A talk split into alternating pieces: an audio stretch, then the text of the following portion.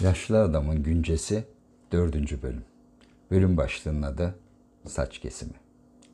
Sabah Cansu ile aynı anda kalktık. Maması nedense bugün çok isteksiz içiyordu. O kadar kağıt havlu ve peçeteye karşın hep üzerine döktü. Tamamını da bitiremedi. Kavga ettik kızımla. Daha doğrusu ben biraz sesimi yükselttim. Masum yavrum da ne yapsın? Öyle durdu. İki dakika sonra barıştık elbette. O televizyonu izlemeye devam etti. Ben de kahvaltı için mutfağa geçtim. Malzemeleri çıkarttım, tayın altını yaktım. Sonra bir baktım ekmek bitmiş. İlk anda canım çok sıkıldı. Ne yapayım diye düşünürken üzerimi değiştirip gidip alayım bari dedim. Mutfağa geri döndüğümde çaydanlığın altının yanmadığını ve tüpün bittiğini gördüm. Cinlerim iyice tepeme çıktı. Cansu'yu son bir kez kontrol ederek dışarı çıktım. Niyetim ekmek alıp dönüşte bahçedeki depomuzda bulunan piknik tüpünü mutfağa taşımaktı. Fakat yolda bir mutluluk sardı benliğimi. Aslında an itibariyle ne kadar şanslı olduğumu düşünmeye başladım. Ev kapısından adımını sokağa atıyordun. Yollar büyük oranda boş, sessiz ve sakindi. Güneş içini ısıtıyor, sabahın taze kokularıyla ciğerlerini dolduruyordun. Keyiflenerek sürdürdüm yürüyüşümü. Markette fırında oldukça yakındı. Bu bile büyük nimet değil miydi? Kentten, onun o harala gürele sıkışmışlığından, hepsinden önemlisi de o trafik belasından kurtulmakla ne kadar iyi yaptığımı anımsadım. Dönüşte de piknik tüpünü çıkarmaktan vazgeçtim. Eve varınca ilk olarak Cansu'ya baktım. Şükür kızım ben yokken herhangi bir sıkıntıyla karşılaşmamıştı. Hala televizyon seyrediyordu. Sonra Seyhan'ı aradım. Bu tür önemli numaraların hepsi onda duruyor. Tüpün bittiğini, tüpçüyü aramasını söyledim. Tüp, tüp gecikti. Hem de çok gecikti. Ben de kahvaltımı çaysız yaptım. O sırada kurye internetten sipariş verdiğim iki kot gömleğimi getirdi. İnce, kısa kollu gömlekler bunlar. Buruşmuş olduklarını görünce şaşırdım. Nedense hiç buruşmazlar gibi geliyordu bunlar bana. Kot pantolonlar gibi değillermiş demek ki. Üzerime giydiğimde cuk oturdu. Oldukça beğendim. Daha sonra gördüklerinde Aysu ve Seyhan da beğendiler. Sen geldikten sonra iki günde bir yaptığım spor programıma başlamak için bahçeye çıktım. Bitirene kadar da iki kısa oyun dinledim. Fakat kayda değer şeyler değildi bu oyunlar. Bu sırada Aysu gelmiş, Seyhan ise Cansu'yu alarak fizik tedavi için Marmaris'e inmişti. Spor bitince duş öncesi saçımı tıraş ettim.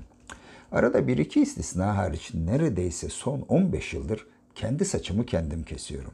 Artık bundan böyle iyice kabak dolaşacağım. Kulağımın üzerinden makinenin girdiği bölüm dahil olmak üzere aşağısını tamamen cihazın 3 konumunda kesecek. Sonra da sırasıyla 6, 9 ve 12'lik seçeneklerle yukarıya doğru çıkacağım. Bilmiyorum. Sonuç iyi gibi oldu sanki. Ancak kışın bu kafa üşür. Ona da bir tedbir düşünmek gerekiyor. Ayrıca bir de 3, 8, 12, 15 seçeneklerini denemek istiyorum. İlk kısımda sınır biraz belli olsun. Saçlar da biraz daha uzun olsun. Fakat bu ikisinden hangisi olursa olsun kısa saç ve kirli sakal bundan sonra değişmeyecek tarzım olacak diyebilirim.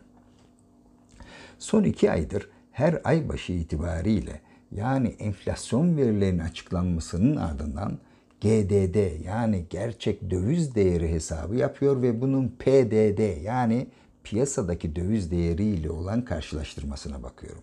Sonra USD TR'ye ve Euro USD kurlarındaki bu sonucu Twitter, Instagram ve YouTube üzerinden paylaşıyorum. Henüz fazla ilgi çekmiyor.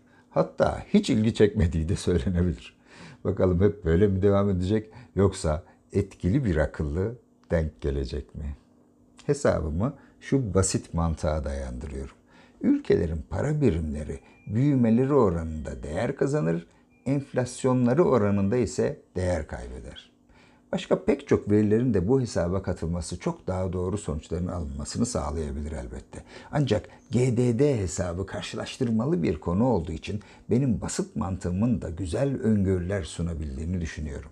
Nitekim son 25 yıllık geçmişten bugüne GDD neredeyse düz bir hat üzerinde yükselirken tabi bu doların Türk lirası karşısındaki değeri için yüksek bir açı, Euro'nun USD yani Amerikan doları karşısındaki değeri için de daha düşük açılı bir düz hat gösteriyor. E, piyasa değeri ise bu hattın kimi zaman az üzerinde yani bu GDD neredeyse düz bir hat üzerinde yükseliyor. USD TRD için yüksek açılı, Euro USD için düşük açılı. Piyasa değeri ise GDD'nin yani GDD hattının kimi zaman az, kimi zaman çok üzerinde, Kimi zaman da bunun yani GDD'nin altında kalarak merkezinde GDD'nin olduğu bir bant içerisinde hareket ettiğini gördüm. Son 25 yıllık gözlem bunu gösterdi. Piyasa değeri gerçek değerin bazen üzerine bazen altına hareketleniyor fakat sonuçta GDD'nin merkezinde olduğu bir hat içerisindeki eğimi koruyor. Dolayısıyla mantığımın doğru sonuçlar verdiğini düşünüyorum.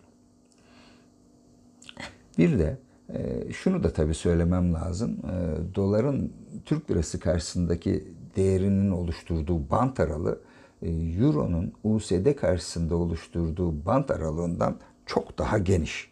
Yani Türk lirası Euro'ya göre dolar karşısında çok daha geniş zigzaklar çizebiliyor. E bu da e, enflasyonun yüksekliğinden dolayı aslında tahmin edilebilir bir sonuç. Bir de altın tahminimi kayda düşürerek günü kapatayım. Bence altının günümüzde 2000 dolara yakın olan ons fiyatı 2030-35 aralığında 20 ile 50 bin aralığına kadar yükselecek. Büyük iddia biliyorum. Ayrıca bitcoinlerle yani bu e, coin dünyası ile ilgili olarak da şöyle bir düşüncem var. Altcoin'lerin önemini artarken Bitcoin'in öneminin göre, göreli olarak gerileyeceği düşüncesindeyim. Tahminlerim bu yönde. Teşekkür ederim.